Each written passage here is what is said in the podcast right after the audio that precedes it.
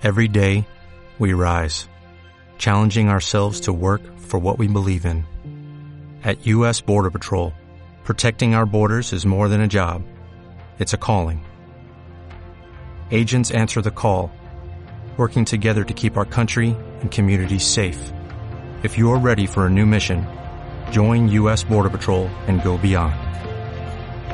Learn more at cbp.gov/careers.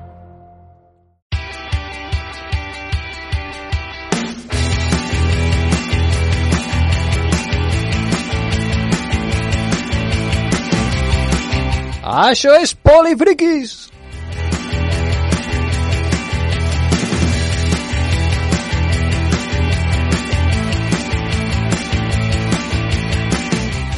Benvingudes, benvinguts un dimarts més a la vostra cita setmanal amb l'oci alternatiu, amb els jocs de rol, amb, amb la ciència-ficció, la fantasia, els còmics, els jocs de taula, totes aquestes coses que ens agraden eh, als friquis i les friquis i eh, que, que cada setmana a, a Ràdio Sant Cugat repassem en aquest programa nostre Polifriquis. I ara mateix està entrant per la porta el nostre arqueòleg boig, eh, el Millán Mozota. Eh, Molt bona nit, Millán. Arribes justet, eh? I tanto, molt bona nit. Eh? Mira, mira, s'està tot just ara posant davant del, del micròfon, com sempre, als estudis de, de Ràdio Sant Cugat. També tenim des del celler de llibres el nostre llibreter friki per excel·lència, eh, el Pablo Jiménez. Molt bona nit, Pablo.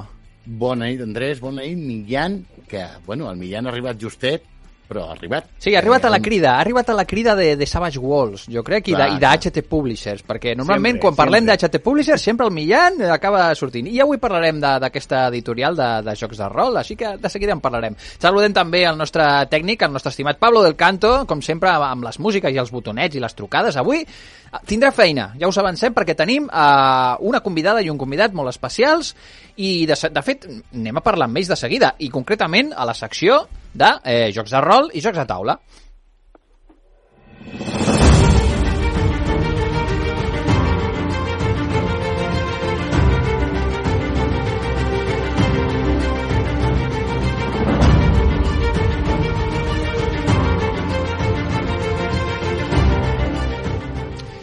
I comencem precisament eh, parlant d'una campanya, d'una campanya de, de crowdfunding, de mecenatge, eh, d'un, de fet, és un, és un joc de rol, un wargame cooperatiu de fantasia, que estan als seus darrers dies de, de campanya, si voleu eh, afegir-vos. Jo crec que després del que parlarem avui, eh, moltes persones que estan escoltant el Polifriquis segurament s'apuntaran en aquesta campanya per aconseguir aquest, eh, aquest war, wargame cooperatiu que ara mateix ja ha assolit el seu objectiu eh, i bueno, en parlarem de seguida eh, amb alguns dels seus eh, impulsors. Es tracta de Exploradores de las Profundidades Sombríes, d'acord?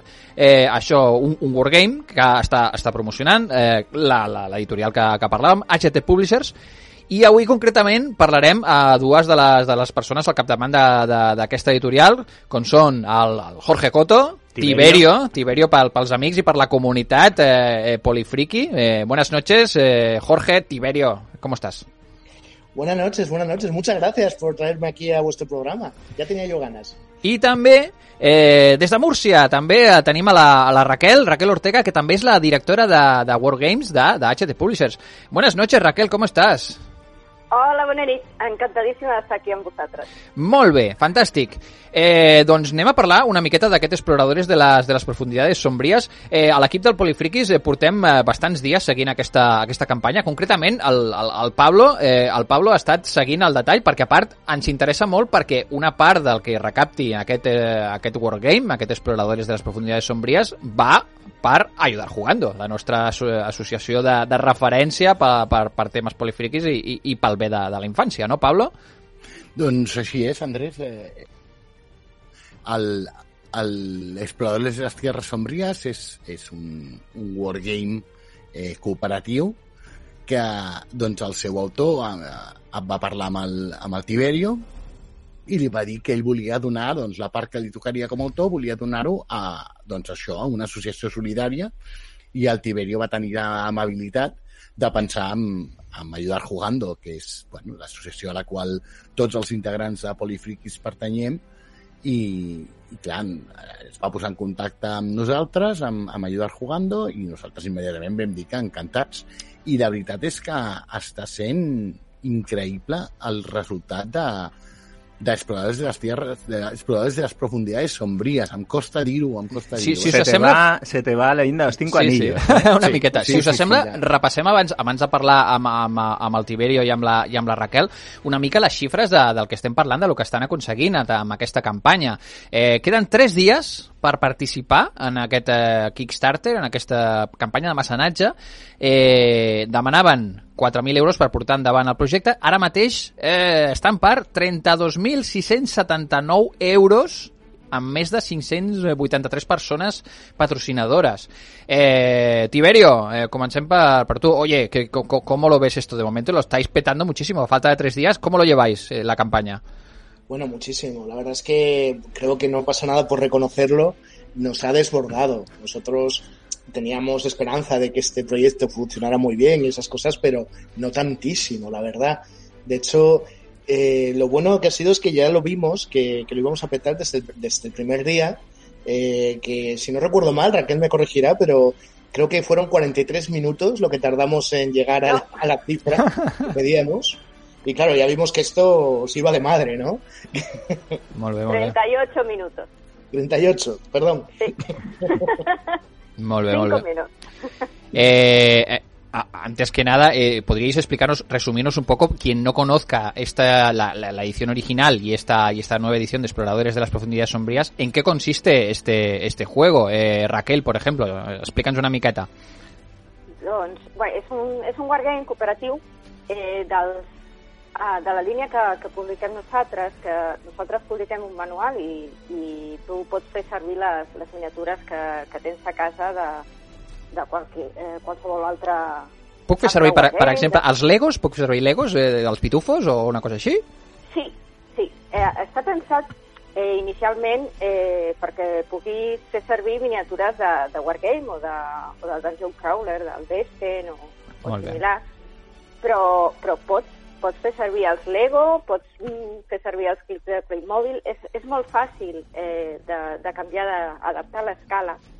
Eh, i simplement eh, eh, l'important és que, que canviïs la- la- l'escala de tothom. Si les miniatures són totes de, de 32 mil·límetres, doncs de 32, si Fantàstic. pots servir d'històric, doncs de 15, però no hi ha cap problema en, en adaptar els escenaris. Molt bé. I llavors eh, aquest, aquest llibre ens permetrà unes eines per crear un, això, un wargame, un dungeon crawler, no? Eh, per aquí crear aventures que, que podrem disfrutar, no? Eh, Tiberio, el, el, autor eh, es Joseph McCulloch. ¿Nos podrías explicar un poquito, que, un poquito la trayectoria de este, de este hombre? Sí, este hombre lleva ya muchos años en el, en el hobby, ¿no? Ha sacado varios wargames, de hecho nosotros hemos ido publicando bastantes suyos porque somos muy fans de él, la verdad. Somos bastante fans de, de este señor. Y quizás su obra más famosa es Frostgrave, Mm. que es un, que es un juego de fantasía, de fantasía de, de bandas, ¿no? De, de, bueno, de explorar lugares y, y competir por tesoros. Es, es competitivo, es un wargame competitivo. También tenemos suyo el Oathmark, que es un juego más tipo Warhammer, digamos, más un juego de batallas, ¿no? Un juego más, más de wargame clásico, Mm. y etcétera. Y este hombre, por ejemplo, ha estado, ha escrito cosas de rol, etcétera, y yo quería destacar que este juego es, es un wargame, es un wargame cooperativo, que está a un paso de ser un juego de rol, ¿vale? Yo creo que es el último paso antes de ser un juego de rol. Más no se puede acercar, ¿no? sí. Y se nota por, tienes listas de habilidades, tienes, las habilidades son muy roleras, son, tienes una habilidad para, para leer textos arcanos, por ejemplo, ¿no? Incluso las, las, las fichas eh, de los personajes que, que incluye el libro que mostráis en la, en la campaña eh, nos recuerdan muchísimo, pues eso, a las plantillas de las fichas de, de Dungeons and Dragons o de otros, de otros juegos, ¿no? Totalmente. Tú si ves esa ficha y no te dicen de qué juego es, probablemente pienses que es un juego de rol. Sí, sí, es que yo, yo de hecho de entrada eh, eh, entré en la campaña y he dicho, ¿esto, esto qué es? ¿Esto es un juego de rol? ¿Es, es- son miniaturas? ¿Qué, ¿De qué va esto? Yo quería hacer una pregunta, quizás para Raquel, eh, porque si hablamos de que está en la frontera entre varios géneros, también estaría, me parece, ahí tocando con el, el género del Dungeon Crawler Mm. de juego de mesa. ¿Y, ¿Y por qué lo llamamos Wargame o por qué lo llamáis Wargame y no Dungeon Crawler o no sé? Eh, bueno, lo llamamos Wargame porque eh, básicamente es lo otro que ha publicado Joseph. Entonces, es un poquito, es un poquito de todo. eh, lo más cómodo eh, y, y la orientación más básica es seguirlo llamando Wargame porque al final lo es. Tú lo puedes jugar como un Wargame. Lo que pasa que, que, que sí lo tiene entre estos tres mundos del juego de mesa, el juego de rol y el, y el Wargame y, y lo ha hecho lo que hace siempre muy bien, que es que nos ha preparado un manual para que tú lo juegues como quieras. Del mismo modo que puedes utilizar las figuras que quieras, Mm. lo puedes hacer tan narrativo como desees hacerlo, o lo puedes hacer eh, tan wargame y tan tiradados como, como quieras, si, si lo prefieres así. Incluso eh, lo puedes hacer con un tablero en 2D, con, o los mapas impresos con una cuadrícula y con cartoncitos o con fichitas. Realmente eh, lo puedes adaptar como quieras. Lo ha dejado tan abierto, pero a la vez tan completo, que lo puedes jugar mm, del estilo que, que prefieras hacerlo tú. Molt bé. Doncs, si us sembla, eh, anem a saludar també al, al darrer dels, dels integrants del, del nostre programa, del Polifriquis, que també eh, que el saludem, com sempre, des de la fosca i, i poblada de ratpenats, Osca. Eh, molt bona nit. Va a venir los de Huesca un día y nos van a dar un repaso. Bona nit, Marc Travé. Tu ja has aportat amb aquest Exploradores de les eh, Profundidades Sombrías al Kickstarter o què? Eh, no, li he encarregat al Pablo. Sí, perquè això és important dir-vos-ho i és que eh, no només eh, el podreu adquirir a través de, del Kickstarter, sinó que les botigues també podem entrar en aquest Kickstarter, com hem fet des del celler de llibres, evidentment, com fem amb tot el que treu HT Publishers, som fans, com a llibreria de d'HT Publishers, i, i nosaltres estem amb el Kickstarter i tindrem exemplars d'Exploradores de, de les Tierras Sombrías Ai, exploradores de les De profundidades. les profundidades.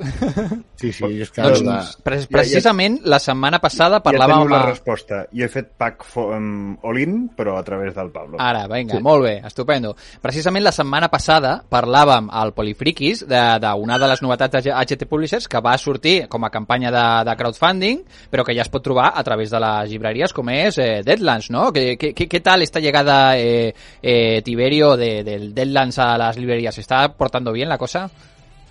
Vale, la verdad es que no tengo buenos datos porque, claro, eso se ocupa la distribuidora y, y siempre a nosotros nos llegan los datos con cierto retraso, ¿no? Pero la sensación que tengo es bastante buena. La verdad es que por Twitter se ve bastante movimiento y, y eh, veo bastante gente hablando de que lo ha comprado en tal tienda y cosas de ese tipo. Yo tengo la sensación de que sí debe estar siendo bien recibido en tiendas. Eh, Tiberio, te, te lo confirmo yo. Me quedan dos. ¿Vale? Me quedan dos packs y sabes que te pedí unos cuantos. Sí, O sea, cierto. y me quedan dos. Eso, eso yo creo que es la mejor señal que podíamos tener. Tornem a aquesta campanya d'exploradores de les profundidades sombries. Estaria bé que, que la, la Raquel a, que ens fessis una mica de resum de, de quin, quins són els packs, quines són les aportacions bàsiques que es poden fer i quin, quines recompenses podem aconseguir en aquesta campanya. Eh, sí, un moment. Fes, fes. Les- Sí, és que esta- estava, estava obrint la campanya perquè he- Jo la tinc davant també, però segur que tu ho expliques molt millor que jo, que m'ho estic mirant aquí i estic valorant encara la meva, la meva aportació a fer. A veure, a veure què em convenç, a veure. Eh, mira, doncs la- l'aportació, la, la ideal, la que jo recomano, és, és l'Olin, no? que és el pack Rental, que inclueix els, els dos llibres, el, el llibre bàsic de- d'Exploradores de, de les Profundidades Sombries, Mm. que eh, té el reglament i té tot, tota el, la història i demás, i té també un, una campanya. I a més, el compendio, que eh, són eh, cinc suplements que nosaltres hem unificat a, en un llibre i hem fet el, el segon volumen que, que teniu aquí. Molt bé. Aquest pack, a més, eh, té com regal addicional els, els marcadors eh, de cofres. Són cinc cofres que eh, han, han anat evolucionant a, al llarg de la, de la campanya, perquè era, era un disseny més simplificat i Clar. ara són cinc dissenys més elaborats i són tots diferents. Uh -huh. Això és el, el que in- inclou el, el pack d'entrada. Més, eh, tot el que s'ha desbloquejat, que són moltes, moltes. Sí, sí. Clar que clar, com sempre, com totes aquestes campanyes de, de crowdfunding i de mecenatge, eh, a mesura que, que s'ha anat eh, recollint més diners i han aportat les, les, les mecenes i els mecenes més i més diners, heu, heu anat desbloquejant reptes eh, quanta més gent entra, més coses li eh, es Sí, dona però- a les persones que participen. Andrés, parlant d'aquests reptes, jo eh, he estat seguint de campanya, eh, hi ha un repte, a l'arribar als 30.000 euros, hi havia un repte que no estava especificat i que, home, jo veig el Tiberio diferent de com estic acostumat a veure'l. ¿Qué ha pasado, Tiberio? A ver, ¿Qué cuéntanos. has hecho? ¿Qué has hecho ya? Se me ha caído, se me ha caído, se me ha caído la barba de repentinamente. ¿Te has afeitado la barba al llegar a los 30.000? ¿Qué me estás contando? Bueno, lo, lo cierto es que ni siquiera estaba yo obligado, porque no fue- yo no, no me comprometí. Estuve a punto por estas, estos calentones que, que vienen, ¿no? Al primer día. Estuve a punto de comprometerme a ello en un momento dado en que nuestro amigo Lumi, de Sketch Attack, se comprometió a raparse el pelo, ¿no? Y yo estuve a punto de, de comprometerme también a ello. Pero no lo hice, no lo hice. De todas formas, cuando llegamos y cuando Lumi cumplió su promesa, que fue Raquel en persona, a asegurarse que cumplía su promesa, eh, yo me sentí obligado por solidaridad ante él a ello y, y me corté la barba por primera vez en muchos años, muchísimos, tanto que, que yo no me reconocía después, la verdad. Muy bien. Seamos sinceros, esta es la prueba viviente de que en realidad no esperabais llegar a los 30.000. Eso es, ¿no? Eso es lo que ha pasado. No, No lo hemos llegado nunca. Claro, es, es nuestro récord absoluto. Nunca habíamos recaudado tanto dinero con mecenazgo. Esta es la, la campaña que mejor nos ha salido hasta ahora, con mucho además. Y- Porque, eh, perdón, Andrés, ¿es vuestro primer Kickstarter? No, no es el primer Kickstarter. Eh, hasta ahora hemos, hemos hecho los, las campañas de rol en Berkami y las campañas de, de Wargame en Kickstarter. Co- Ok. Y, y- y- precisamente, ¿por qué, por qué habéis elegido precisamente esta plataforma en vez de otra? ¿Que ¿Es más a favor de juegos tipo Wargame, por ejemplo, Kickstarter, mes, o más amable que Novercami y, al- y el rol al revés? ¿Cuál es el motivo para elegir esta plataforma? Sí, tenemos la sensación de que, de que la gente que compra Wargames en España pues tiende más a estar en Kickstarter y la gente que compra rol en España tiende más a estar en Berkami. Entonces, por ese, al final, Pablo me dará la razón, supongo, ¿no? Al final tienes que ir a, a donde está tu clientela, ¿no? Ahí estamos, ahí estamos, completamente de acuerdo. De todas maneras, yo quiero animar a la gente a que se apunte al Kickstarter, que lo vamos a tener en la librería, pero apuntaos al Kickstarter porque es que un 10% de lo que salga del Kickstarter S'està pujant, eh? S'està actualitzant ara mateix, va pujant, eh? Mira, ayudar jugando i mira, mira, 7, 7 euros més, així. Mentre, Pues- pa- mentre Pablo. Pero es que además, Andrés, si llegan a los 35.000, el libro es a todo color. Ostres. Con lo cual, eso es un plus. Yo de verdad estoy enamorado de esta campaña, de lo bien que les está yendo.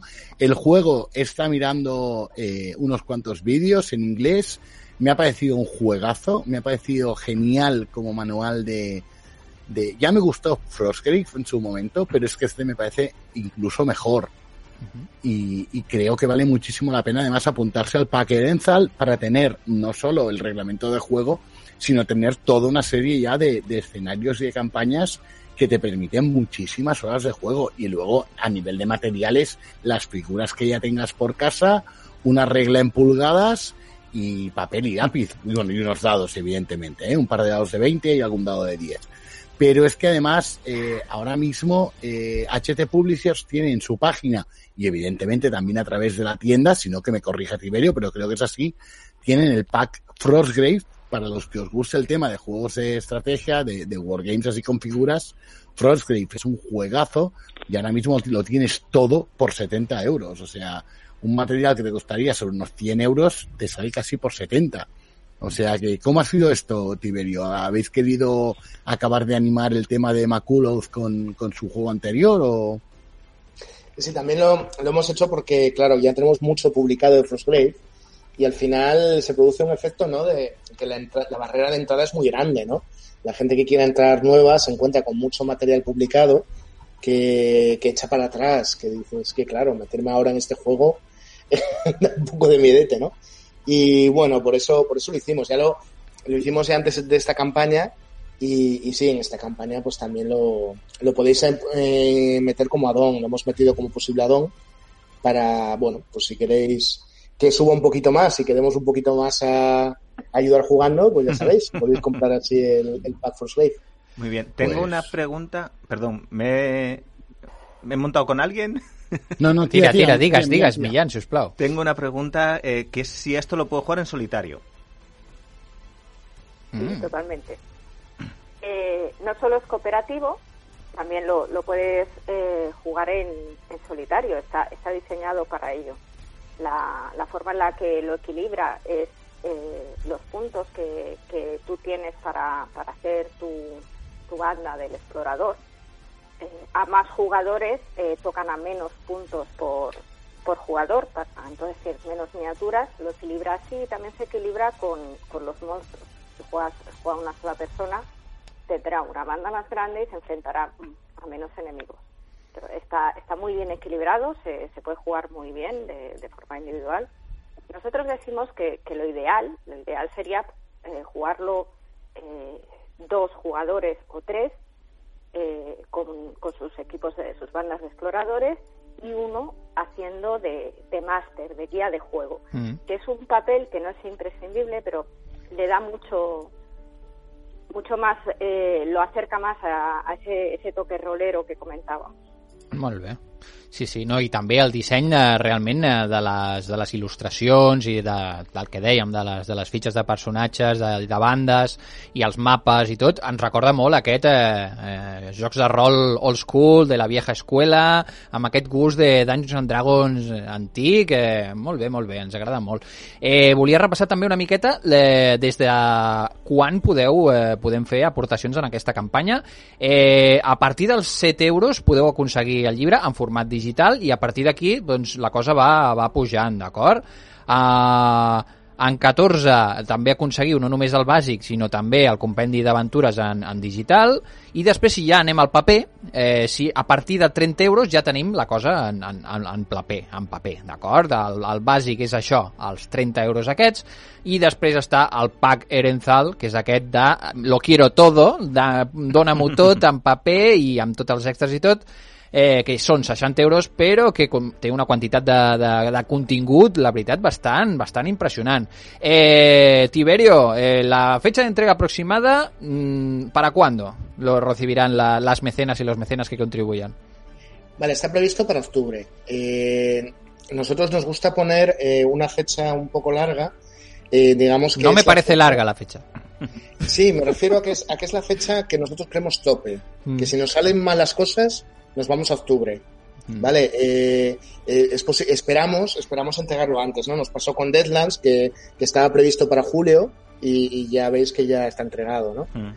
Y en esto pues algo parecido, tenemos la esperanza de entregarlo antes, pero bueno, es una esperanza, ¿vale? La- el compromiso es octubre. Está muy bien, está muy bien ese, ese compromiso y además habéis demostrado en campañas, campañas anteriores que cumplís ampliamente, vaya. Eh, pues poca cosa més, jo crec que ha quedat ba- bastant clar i que les, les, les oients i els oients de, de Polifriquis estic segur que s'estan apuntant ara mateix en aquesta campanya de, de Kickstarter d'Exploradores de les Profundidades Sombries. Eh, que com, que com recordem una part, concretament un 10% de, del recaptat, eh, se'n va cap a ajudar jugando. Co- Cosa que ens, ens, ens omple d'alegria i de, de goig i que, que, que, que meravella, HT Publishers. Mm, Fantàstic, vaja. Eh, I res, volia agrair eh, només una miqueta amb el, amb el Tiberio, Jorge, eh, muchas gracias, i, i, i Raquel Ortega, directora de Wargames també de HT Publishers, la vostra presència, que vagi molt bé i les últimes hores de la campanya, que ja sé que són molt dures, eh, les, les últimes hores de los crowdfundings. Pues sí, pues muchas gracias por traernos aquí. Y, y sí, bueno, a ver si sobrevivimos estos tres días que faltan. De hecho, muchas gracias a, a vosotros. Y, y nada, eh, ha sido una campaña dura. Yo creo que esta, estas, estos tres días ya van a ser cuesta abajo. No, no, no, no, no. Les últimes hores sempre són importants, eh? En els crowdfunding jo crec que aquí s'apuntarà bastanta gent encara. Sí, I jo sí, crec que però- aquests 35.000 euros no estan tan, tan lluny per veure si aconseguim l'edició en color, eh? No, jo estic convençuda que arribem. Eh, he estat calculant el que necessitem al dia i estem fent més del mínim que necessitem al dia per arribar. Per això eh, jo dic que, que ja és, és, és més tranquil perquè ja, ja sembla que està tot fet. Ha anat tan bé que jo ara mateix estic relaxada en aquest sentit. Fantàstic. Doncs dis- disfruteu aquestes darreres hores de, de la campanya i, com diem, voleu dir alguna última una paraula als nostres convidats? Sí, Millán? un saludo para el famoso perrete de Tiberio, que siempre sale en, la- en las redes sociales. No, no está aquí conmigo ahora, estoy, estoy en la oficina y está esperándome en casa que vaya a sacarle cuando acabe aquí. Está ahí el pobre esperándome. Molt bé, doncs moltíssimes gràcies al Jorge Coto Tiberio i Raquel Ortega de HT Publishers i seguim encara amb més temes de, de jocs de rol i jocs de taula eh, perquè anem cap a tu, Marc. Mira, vaig a saltar-me l'escaleta i vaig a fer-ho en un altre ordre, perquè mira, perquè em ve de gust. Eh, perquè em ve de gust de parlar de, de, de, de, de Lovecraft i de la llamada de Chulú i concretament avui ens portes alguna proposta de, que, que té nom eh, Chuloideo i això sempre m'agrada, Marc. Bé, doncs jo avui us porto una proposta amb un nom tan tremendament pacífic com Asesinato en la mansió Tulu. Molt bé, fantàstic. És- De, de què va la cosa? Doncs, No sé, tar- de no sé de què serà, pasteles, no sé de què serà. doncs en realitat eh, ve a ser un sopar. Eh, és un, No és em diguis que és un cluedo, mystery. no serà un cluedo.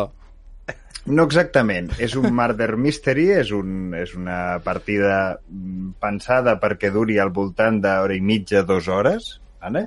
Eh, jo aquesta vaig tenir la sort de, de poder ser un de les persones que va fer un dels playtests de prova i no, no se'n va anar molt menys, és a dir, mm, t'hi pots posar com vulguis, però hi, hi ha uns tempos marcats Mm. i eh, el que fa és diguéssim, eh, organitzar una partida de, de rol, com qui diu, amb, amb un Murder Mystery, però sense necessitat de que hi hagi un màster. Vale? No hi ha ningú que estigui dirigint la partida, sinó que la, el joc té una, té una mecànica pròpia, que és, hi ha uns temps, diguéssim, eh, arribes, comences la història, hi ha hagut un assassinat, i eh, s'ha de descobrir qui és l'assassí, perquè si no, al cap d'unes dues hores, doncs passen un seguit de coses, no? Llavors, eh, hi ha uns personatges, hi ha unes diferents localitzacions, diferents sales, i hi ha uns diferents personatges. Cadascun d'aquests personatges, evidentment, eh, té un seguit d'informacions que poden servir per, per donar amb, amb la resposta de qui és l'assassí i al mateix temps té un seguit de secrets que ha d'amagar a la resta de, de personatges. Alguns dels personatges estan relacionats, d'altres no. Llavors, bàsicament, a l'inici de tot se't dona una, una fulla en la que s'inclou la història del teu personatge i que tu no has de, de donar, o sigui, has de permetre saber a ningú en cap, en cap cas, i Sí. uns objectius. Ara hi ha qui té...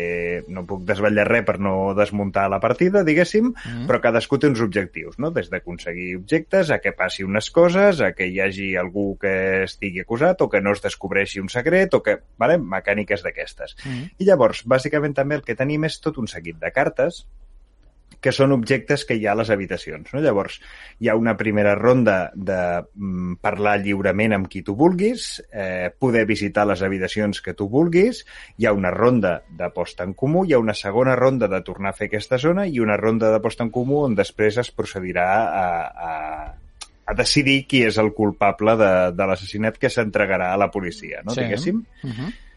La gràcia està en que en aquests dos blocs que tu tens per anar parlant amb gent també pots anar entrant a les habitacions eh, dels personatges o entrant a les habitacions i llavors això com s'escenifica? Doncs a cada ronda tu tens un seguit de preguntes que pots fer a un seguit de PNJs, com per exemple, que sé, doncs el, el, el majordom o la, o la mestressa de la casa, eh, pots, pots demanar-li informació sobre personatges, eh, pots entrar a regirar alguna de les habitacions i això implica que agafes unes cartes i tu tens un màxim de, de, de cartes que pots agafar per cadascuna d'aquestes rondes. Clar, a més a més, això està posat a la vista de tothom i quan vas veient que algú està agafant una carta d'aquella habitació i aquella habitació és la teva, dius, mm, hi ha algú que està entrant i està agafant la informació de mi, no? Mm. Llavors, eh, també vas mirant doncs, qui, qui està pendent de qui, qui t'està perseguint o qui pots anar traient informacions en aquest sentit.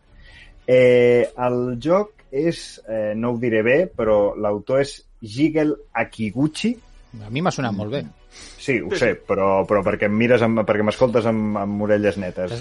Però- T'escolto amb, bo, amb bons ulls, sí. Sí. Eh, la No, veritat no, me, és que... no me mientas que te creo, no me miras que no te ve. Bueno, això no sé com era. No, no, no, no me xilles que no te, Això, no això. te veo. Eh, és, una, és un joc pensat per 7-10 jugadors, ideal per endur-te'l en un cap de setmana d'aquests rurals de, de joc. Per les històries, les temàtiques i tal, eh, em sembla que està catalogat com a més de 15 anys. Vale? No és un joc infantil, és un joc amb, amb un seguit d'històries que poden ser una mica sòrdides.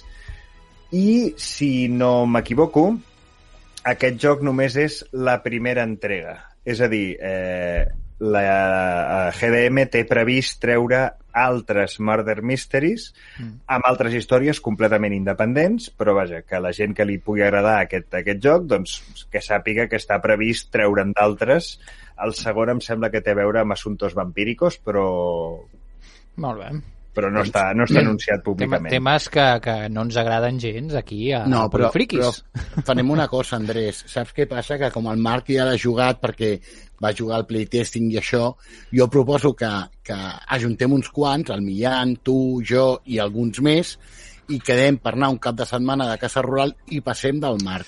Sí, Perquè bé, com el em ja sembla l'ha bé. Com jugat- que ell ja hi ha jugat, doncs mira. Clar, que no vingui. Sí, En ens, sac... aquest mira, ens, sentit- ens sacrificarem i el provarem sense tu, Marc. Exacte. En exacte. aquest sentit us diré, eh, mireu si és desagradable, si és dolent, si és no sé què, que jo, malgrat haver jugat al playtest, me l'he comprat. Eh, per, segona vegada, per segona cosa, aviam, algo hem avançat fins ara, aquesta vegada, com a mínim, m'heu avisat abans de que em passareu això per la cara. Que fins ara, Eh. una de les tradicions era que jo me n'assabentés de ah, aquest cap de setmana estava jugant, ah, molt bé, Sí, gràcies. por la foto del Twitter. Sí. Claro. Tot això és, és, és un joc rejugable, Marc, perquè si no ja no comptem amb tu, ja està, ja directament, ja està. És un joc rejugable sí i no. És a dir, en el moment en què jo porto... Eh, o sigui, el mateix personatge jo no el podria portar, Mm. Perquè al final de la partida, a més a més en el playtesting, al final de la partida no ens vam posar el, en la informació en comú. És a dir, jo conec la informació d'un dels personatges amb la seva totalitat i alguna petita informació d'altres personatges, de... però no, no sé si és segura o és que els altres jugadors em van mentir. Bueno, Per tant, jo realment saber-ne, saber-ne en sé una. Molt bé, bueno doncs, eh, pels nostres oients, que sapigueu que el celler de llibres el podeu trobar. molt bé. Aquest eh, asesinato en la mansió de, de Chulo, que publica eh, GDM, Guerra de Mitos. GDM. Molt bé, doncs Estarà mira, ambientado en el universo del Arkham Horror. calla, calla, perquè ara anem, ara anem cap aquí, ja sé que és una cosa que et fa molta ràbia, però jo també volia parlar d'un joc que té bastants elements eh, en comú, però to- totalment diferents, amb el joc que ens ha comentat el, el Marc, i es tracta d'una novetat que sortirà en, en, en pocs mesos, però que ja hi ha un hype brutal, perquè, per una banda, eh, és una versió d'un joc de taula molt conegut, com és el joc de Battlestar Galactica, que va tenir molt d'èxit, aquest joc amb rols ocults, amb Cylons de per mig, amb la llicència de la sèrie de televisió, meravellosa, tot i que alguns integrants d'aquest programa no opinen el mateix. Es una serie que está muy bien hecha. Molt bé, una gran sèrie, una gran sèrie de ciència-ficció i de, de, de, de, d'allò. De, Que a algunos se nos hace un poco tediosa. Sí, hi ha gent que, que la diu que és pesada i és un rotllo, però no és veritat. És, és molt, molt interessant. El, el cas és que aquest joc té una nova versió que publicarà Fantasy Flight Games i que ha anunciat allò a bombo i platillo i fent molt de hype a les xarxes socials perquè eh, serà una nova versió eh, amb la llicència, bueno, amb la llicència, en, ambientada en l'univers de Sim i De Arkham Horror Files, és a dir, els mites de, de Chulu, de sèrie de jocs de Fantasy Flight, que com l'Arkham Horror i aquest tipus de, de jocs, que tenen una ambientació en el món de, de, dels mites de Chulu i del món de, creat per H.P. Lovecraft, que ja sabeu que és un autor de referència d'aquest programa. El mundo de Arkham Horror Files. ¿Qué, te- qué es lo que no t'agrada d'aquesta afirmació, Millán? Hombre, pues que la, la ambientación de la que estás hablando es la de los mitos de Tulu. No, no la exactament. ambientación de, del Arkham Horror. No exactament, perquè l'Arkham Horror, eh, eh, precisament aquesta família de jocs de Fantasy Flight, tenen una sèrie de personatges en comú que no surten de les novel·les de, de Lovecraft, i al contrari, són específics d'aquestes aquests jocs de cartes col·leccionables, de taulell, tota aquesta família de jocs vale, de Fantasy vale. Andrés. Hem creat personatges nous. Fantàstic. Hem ampliat l'univers. Fantàstic. Però continua sent l'univers Sí. de Howard Phillips Lovecraft. Sí, però si us agraden els jocs d'Arkham Horror i companyia, doncs, doncs això, en aquest món. En qualsevol cas, no cal que hagueu jugat a cap eh, joc d'Arkham Horror, si us agrada Lovecraft, us agradarà aquest joc, perquè es diu Insondable. Ho han convertit de Battlestar Galàctica a Insondable, vale? i en lloc d'estar una nau a l'espai, eh, resulta que estem en un, en una, en un, bu, en un buque de, de, de vapor de- d'aquests grossos, en plan Titanic, de, de, de l'any 1913, eh, en el que comencen a passar, en un viatge, en, una, en un viatge transatlàntic, comencen a passar una sèrie de coses misterioses eh, al voltant del vaixell, que resulta que en el vaixell eh, hi ha eh, passatgers humans i passatgers que no ho són tant, que són bàsicament híbrids, eh, que són eh, criatures que són mig, mig humans, mig profuns. De manera que eh, s'introdueix aquesta idea de eh, el, el, els, els rols ocults, els traïdors, es reparteix una sèrie de cartes al principi de la partida i cadascun dels jugadors o jugadores saben per quin bàndol juguen, però la resta no ho saben. Llavors hem d'anar mirant a veure els ulls de l'altre, a veure, a veure què fa, a veure què està fent, quina secció s'està fent, i a veure si és humà i està de, del nostre bàndol, o si és un híbrid i en realitat ens està aquí intentant que, que el vaixell s'enfonsi, sense que, que, i que ens ataquin els, els profuns, per exemple. Totes les mecàniques del Battlestar Galàctica estan adaptades en aquest, en aquest món, tot, tot molt maco, amb una estètica fantàstica, una producció que té una pinta realment espectacular, amb personatges eh, especials, eh, amb habilitats especials, eh, cadascun d'ells que podem jugar eh, i és un joc eh, bueno, que si està en la línia del Battlestar Galàctica funcionarà la mar de bé i segurament si us agrada el món de H.P. Lovecraft i, els, i, i l'horror eh, còsmic d'aquest autor doncs us agradarà molt i a més sortiran coses amb tentacles i, i, i bueno, aquesta mena de, de criatura. Jo li tinc moltes ganes i he vist ja unes quantes imatges que han publicat a la seva web, la gent de Fantasy Flight, amb els components, les figuretes, els taulells i tal, i jo ja sóc feliç amb això. No, no sé què, què us sembla a vosaltres. Ja us anuncio eh, que eh, el preu de sortida és eh, 80 euros. 79,99. Bueno, ¿qué le vas a hacer? Ahora es lo que cuestan los juegos de mesa, poco que tengan un poquito de, de plástico y de cartón. Que són els que ens agraden. Els bons, els bons, el plastiquete, sí. l'emeritraje ja del, del bueno. I amb aquesta recomanació que sortirà eh, encara dintre d'uns quants mesos, perquè ho acaben de- d'anunciar això, canviem de tema, si us sembla, i anem a obrir algun llibre i a fer una miqueta de, de lectura, va.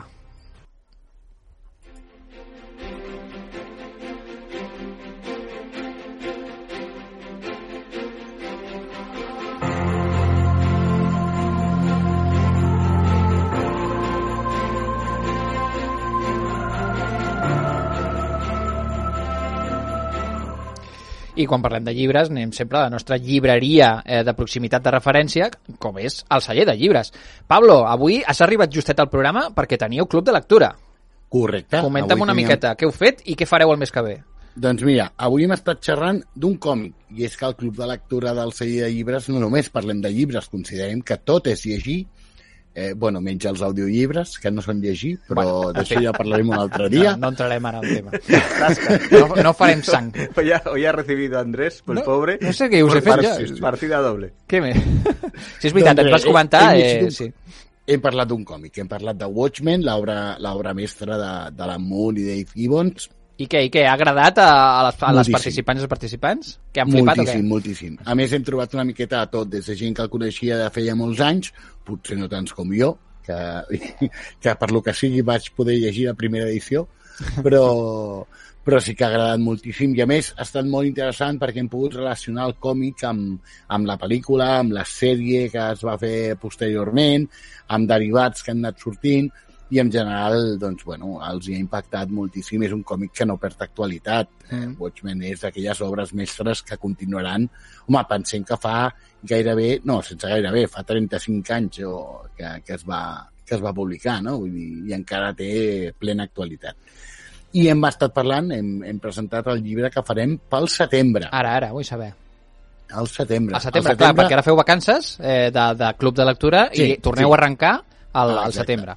juliol i agost farem vacances perquè, perquè clar, vull dir, juliol i agost és molt difícil que puguem ser tots i al setembre el que volem és tornar a poder fer-ho presencial, és a dir, que ens puguem tornar a reunir Ai, sí. a la llibreria Ai, sí.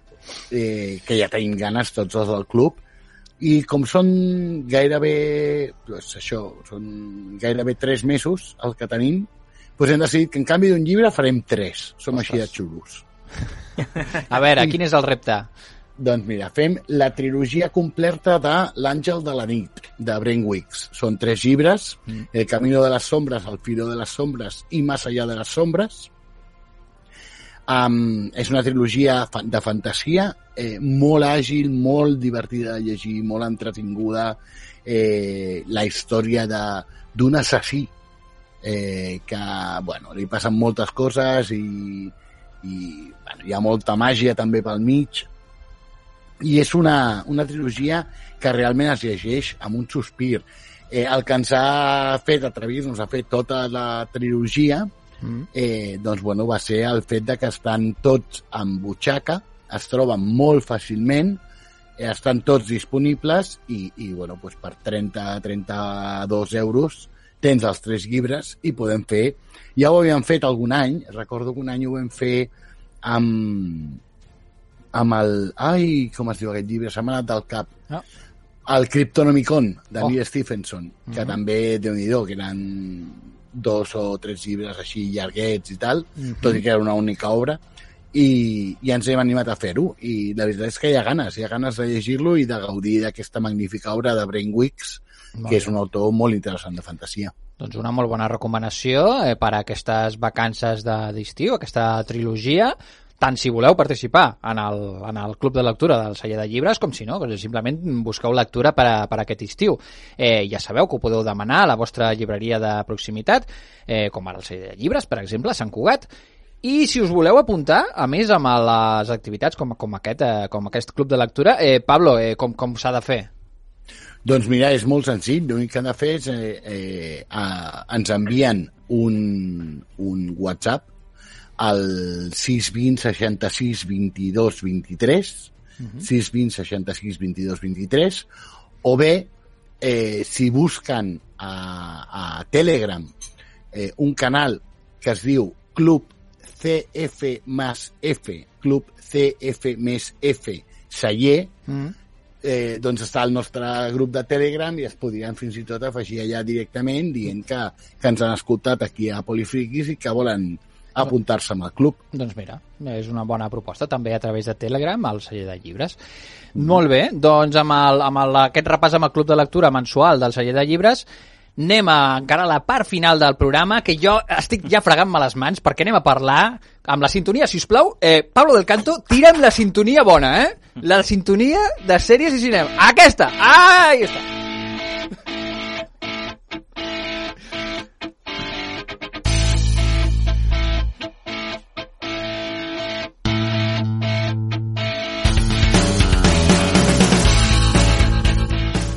No sé, Jo, no, no, no, no ho Andrés, tinc clar, eh? No Andrés. tinc clar si me. Andrés, no sé quin problema teniu amb les sintonies. Jo les són, són molt semblants. Pablo, són molt semblants. Eh, en qualsevol cas, vaig a... Prepareu-vos perquè penso saltar l'escaleta aquí i anem a fer-ho aquí de- d'una qualsevol manera. Vinga. Perquè comencem per un tema que eh, diversos eh, participants de, del programa eh, hem vist, que és una estrena, concretament, que li tenia, ja ho sabeu, que em té molt Loki, aquesta sèrie, mm. perquè és Loki, ja està. Eh, repeteixo aquest xiste cada, cada setmana i entra sempre i sempre em rieu les gràcies. Gràcies. Això de que entri sempre... El cas és que el dimecres passat, i cada dimecres, ara Disney Plus està, està estrenant eh, aquesta, un capítol nou de la sèrie Loki, protagonitzada per aquest personatge eh, de Marvel, aquest el germà de, de, de Thor, aquest eh, déu nòrdic eh, de, de, de, de, de, de l'engany i de, de, de, del cachondeo i del troleo, que posa algunes de les, de les publicitats que ho promocionen. I eh, resulta que s'han tret a la màniga eh, una, una sèrie que explica què eh, va passar amb Loki eh, després dels esdeveniments de eh, Infinity eh, Wars. Endgame i de les Infinity Wars eh, i com acabava. Recordeu que en una de les escenes de, de Endgame resulta que eh, viatgen en una línia temporal diferent els, els protagonistes i eh, un objecte molt poderós com és el, el Tesseracto va parar amb les mans de Loki que desapareix i no sabem què passa. Doncs aquí, aquesta sèrie és el que ens explica, eh, és precisament això que va passar amb Loki, què està fent Loki ara mateix en aquests moments. Heu vist el primer capítol, eh, tots? Sí. Marc? Afirmatiu. Mm, Pablo, no sé si l'has vist ja. No. No he volgut veure'l i no el penso veure fins que no pengin tots els episodis. Escolta, no faig, pot ser, home. faig el mateix que vaig fer amb... Bueno, pues tapa't les amb, orelles. so, amb eh, el Con i el Soldado d'Invierno. Jo espero a que estigui tot i llavors el veig tot seguit. Però així no pots Tampoco- comentar durant la setmana. Tampoco podremos hacerle muchos spoilers. No, porque porque, es un episodio que está muy divertido, pero es un episodio de presentación. Sí, i el tràiler pràcticament explicava tot el que vam veure. Vull dir que el tràiler ja era explicatiu del que passa en el primer eh, capítol. A veure, qui... Tampoc, tampoc he vist el tràiler. No he volgut. Molt bé, és igual, doncs, doncs tanca les orelles perquè ara t'ho explicarem. De què va, Els trailers no sé, però les promos del Tom Hiddleston busca-te-les, perquè mm, els anuncis han sigut genials. Està molt divertit. Ah, és guai, veritat guai. que ha, ha agafat una mica aquest esperit de Loki també per fer les promocions i ens, ens troleja a tots una, una miqueta l'actor de- que interpreta el Loki. Eh, Marc, va, eh, resumeix-nos una miqueta de què, va, de què va el tema, va. Tia, i, i, i em fots a mi el Clar que marrón, sí, no? sí, explica. Ah, Fes spoilers. Com, com explico jo això? Uh, com si hagués arribat una espècie de Ministeri del Tiempo molt ben muntat uh, a l'americana, amb paràmetres americans, dins de l'univers uh, cinematogràfic Marvel. Sí, yo creo que cogería los elementos de Umbrella Academy, de eh, Doctor Who y el Ministerio del Tiempo y lo que tienen en común se lo pondría y así más o menos lo explicas. Sí, més o menys, més o menys. Eh, va per Aviam. aquí, va per aquí la cosa. A, en és qualsevol cas, que et deixa amb més preguntes que respostes. En qualsevol cas, eh, per qui conegui una mica la, la línia del personatge, la, la, com es diu, en, en els còmics de, de Marvel, eh, sap que aquesta agència de control del temps és una cosa que ja existia als còmics ah, segurament abans que, tot, eh, abans que el Ministeri del Tiempo, perquè moltes vegades eh, eh, hem sentit a xarxes socials comentaris ai, és que estan copiant el Ministeri del Tiempo i tot això. No exactament, ja era una cosa que ja A veure, estava a veure. en, en alguns còmics. A Asimov ja té eh, el fin de l'eternitat Correcte, també, dels també. anys 50, eh? 50, ses- eh, aviam, temes d'agències de, de control temporal mm, que n'hi ha de fa molts anys. El cas és que Loki es troba atrapat eh, per, per haver infringit alguna de les lleis de- de- de- d'aquesta agència que vetlla perquè eh, no descarrili el temps i que vagin les coses i que succeeixin com han de succeir. Hay que decir que es atrapado por la burocracia. Sí, està molt bé, té el punt aquest també una mica, una mica com rotllo Brasil, mm. també, allò, un- té un puntet així. Té, és, és com un futur retro, d'aquesta estètica una mica, una mica retro, steampunk, així, està bé. És un, un, una cosa molt curiosa amb els seus funcionaris allà, que mira, fan omplir formularis al Loki, i està molt bé, està interessant, i a més també recupera escenes mítiques de la saga de, de, dels Avengers, dels Vengadores, eh, i les intercala allà, repassem alguna de les escenes, cosa que també pues, fa nostàlgia. Eh, a, a, compta també amb un, amb un repartiment bastant interessant, eh, començant pel propi Tom Hiddleston, que fa de Loki, i eh, per un Owen Wilson, que és molt conegut, és un actor de primera, de primera línia, eh, interpretant a Mobius, un agent que vol encarrilar Loki per treure'l una mica de partit com a, com a... Ja veurem, a veure què en els propers capítols. Eh, sense fer... Bueno, ja hem fet tots els spoilers que havien de fer. Una opinió així general del primer capítol? Bien, y creo que Owen Wilson está bastante bien. Està Eh, graciós. Porque sí, y no está demasiado exagerado, porque viene de, o venía a hacer papeles así cómicos como muy exuberantes, y aquí está un poco más, un poco más contenido, haciendo así de funcionario espabilado o astuto de, de ese, de esa extraña agencia temporal. Creo que está bien. Marc, opinions? Aviam, a mi fins ara m'ha agradat. El que passa és que eh, després del que ha sigut fase 1, fase 2, fase 3 i amb tot el creixement que han anat portant i tot el que han arribat a fer, jo sincerament sóc de la política de jo et dono un xec en blanc així d'inici, anem a veure fins on em portes i eh, ja m'he menjat les meves paraules de bo, això no arribarà tal... No, no, ja han fet coses que m'han sorprès i que m'han agradat i que m'han aca- han acabat sent molt més grans i que m'han emocionat. Per tant, jo de bones a primeres els hi dono el vot de confiança. També és veritat que el Tom Hiddleston i el personatge de Loki són un actor i un personatge que m'agraden molt i, per tant, ja partia amb un cert favoritisme de predisposició a veure el què, però jo és- m'esperaré a veure que, com acaba per dir si era realment bona o no, però de moment mm, amb moltes ganes de, de que sigui demà.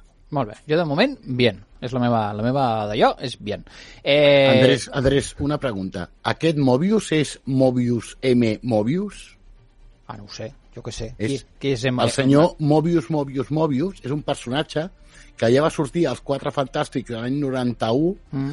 de l'Agència de Variació Temporal. Aquesta, aquesta és l'agència que surt, la ATB. pues, el acabes, eh, acabes de fer guanyar punts perquè vulgui veure aquesta sèrie. Veus? I encara enganxarà Perquè- amb els quatre fantàstics. Mira per on deu. Sí, el, el personatge és molt interessant.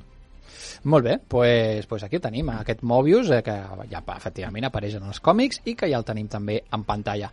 Eh, Millan, ens proposes... Has de triar una de les teves dues pel·lícules o sèries que portes avui a escaleta? 13. 13.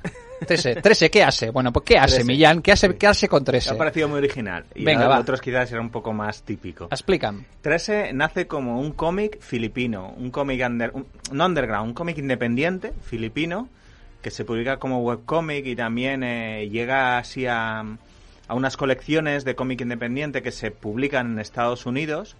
Eh, es un cómic en, en blanco y negro con una estética un poco, digamos, gótico-punk Mm. eh, ambientado en la, en la ciudad actual de Manila y con el, el tema que trata es de horror e investigación sobrenatural.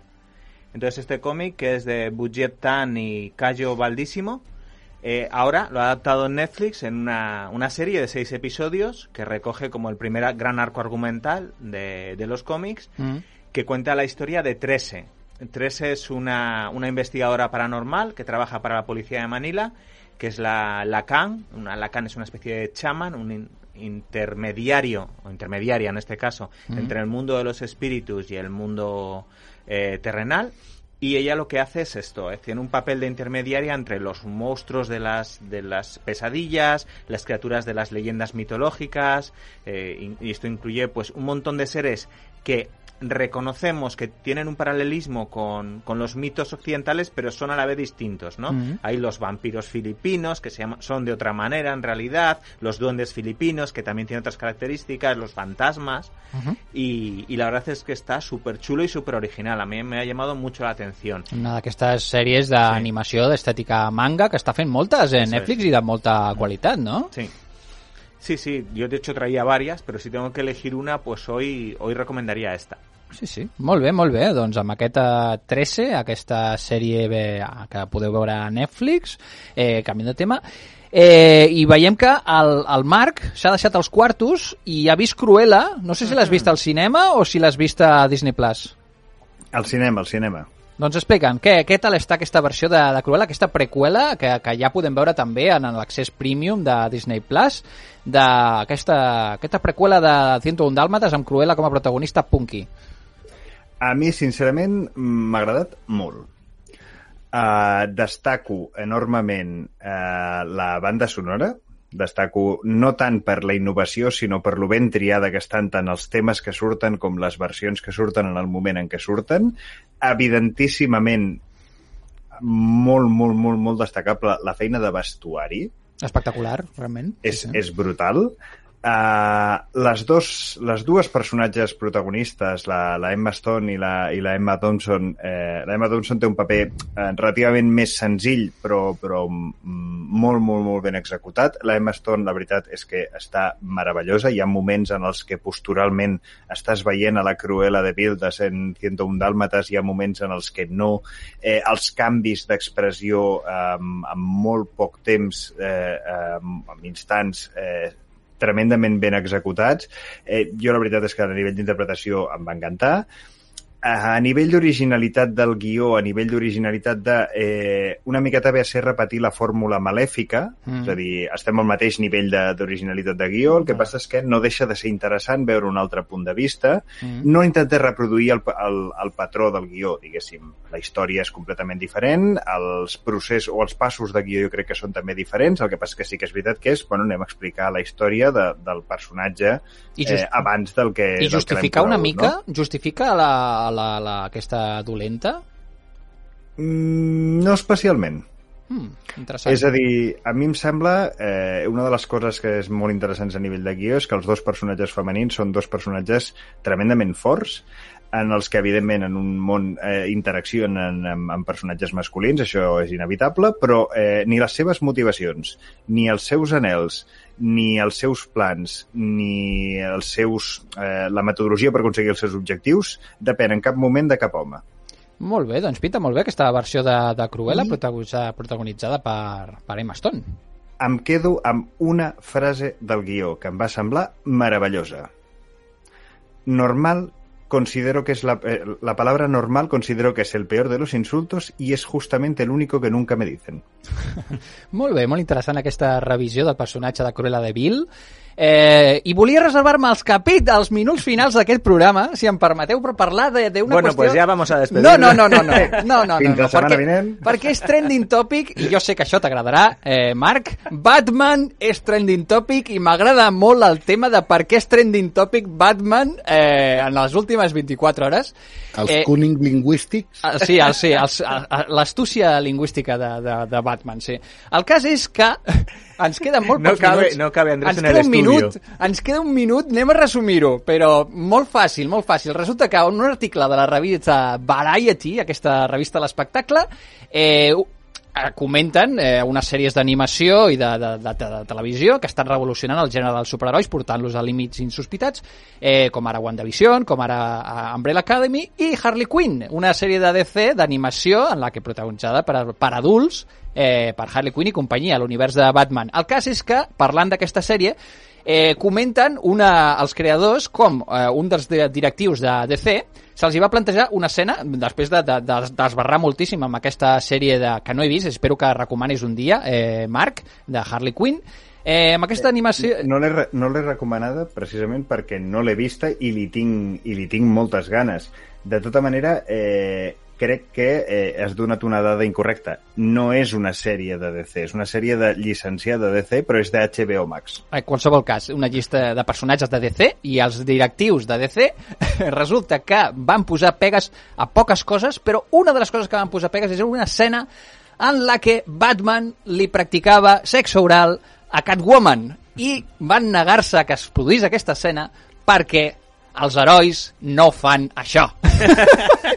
I em sembla, eh, bueno, em sembla d'una cosa supercarca i superretrògrada i, i m'ha semblat divertidíssim eh, el debat que s'ha produït de si Batman eh, practica sexe oral a Catwoman o no en general a la vida. I és un tema que jo crec que podem desenvolupar en els propers programes. De moment, quedeu-vos amb aquesta imatge mental de si Batman baixa cap allà avall o no baixa. En parlarem eh, llargament. Una... Jo crec que podem dedicar el proper programa a parlar només d'això. I amb això... Seguro que Mark está encantado. Sí, segur que sí. Eh, Aquest és especial Batman que jo vull participar, eh, Marc.